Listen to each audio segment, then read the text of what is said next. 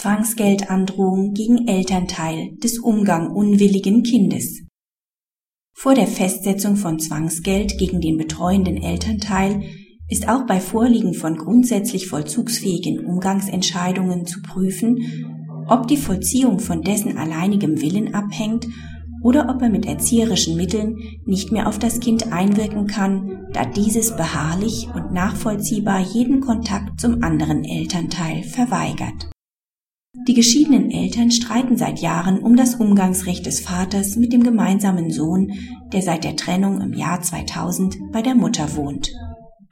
In den Jahren 2004 und 2005 kommt es zu einer gerichtlichen Umgangsregelung. Seit dem Ende der regelmäßigen Kontakte an Weihnachten 2006 gab es lediglich einen begleiteten Umgang zwischen Vater und Sohn. Der Vater beantragt die Zwangsgeldfestsetzung gegen die Mutter bei Zuwiderhandlung gegen das geregelte Umgangsrecht. Das Amtsgericht weist den Antrag zurück. Das Oberlandesgericht hält die Beschwerde des Vaters für unbegründet. Zwar sind die Beschlüsse des Familiengerichts grundsätzlich vollzugsfähig, da sie der Mutter die bestimmte Handlung auferlegen, den Sohn zur Ausübung des Umgangs mit seinem Vater bereitzuhalten. Die Durchführung des Umgangsrechts hängt jedoch nicht, wie Paragraph 33 Absatz 1 Satz 1 FGG voraussetzt, ausschließlich vom alleinigen Willen der Mutter ab. Verweigert der elfjährige Sohn nachdrücklich jeglichen Umgang mit dem Vater, so kommt seinem Willen erhebliche Bedeutung zu.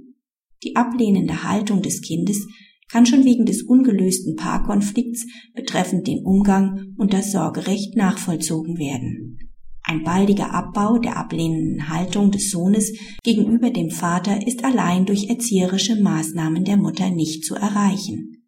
Da eine Gewaltanwendung gegen das Kind von vornherein ausscheidet, ist eine zwangsweise Durchsetzung des väterlichen Umgangsrechts unter Beachtung des Kindeswohls nicht geboten. Praxishinweis. Die Entscheidung schenkt dem nachvollziehbaren Kindeswillen angemessene Beachtung in Konsequenz zum Urteil des Bundesverfassungsgerichts vom 1.4.2008, abgedruckt in der NJW 2008, Seite 1287, ist umgangsunwilligen Kindern derselbe Schutz zu gewähren wie umgangsunwilligen Elternteilen. Es bleibt jedoch im Einzelfall genau zu prüfen, ob der betreuende Elternteil den Umgang ausreichend fördert.